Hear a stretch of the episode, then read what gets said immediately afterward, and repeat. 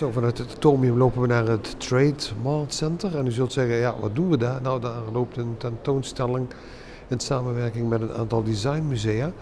Heeft het te maken met 60 jaar Atomium en ook het design wat er toen was en eigenlijk nu hier nog zichtbaar wordt.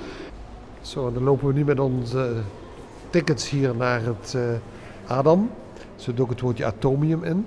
Wat gaan wij hier zien? Dus hier eh, gaan we eigenlijk vier tentoonstellingen uh, zijn er voor het moment.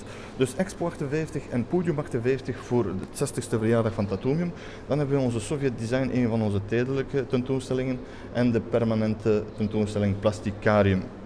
Dus alles bevindt zich op één vloer. Uh, dit voor een goede 1500 vierkante meters. Ja, en wel, ja, dus welkom, welkom. Ja.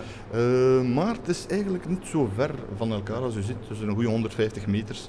Dus vrij zichtbaar dus van de straat. Ook de grote letters Adam hè, zijn zichtbaar vanuit de straat zelf. Dus uh, ik denk dat het uh, voor ons, uh, ja, voor ons is het gemakkelijker natuurlijk waarom we werken hier, dag, dagdagelijks.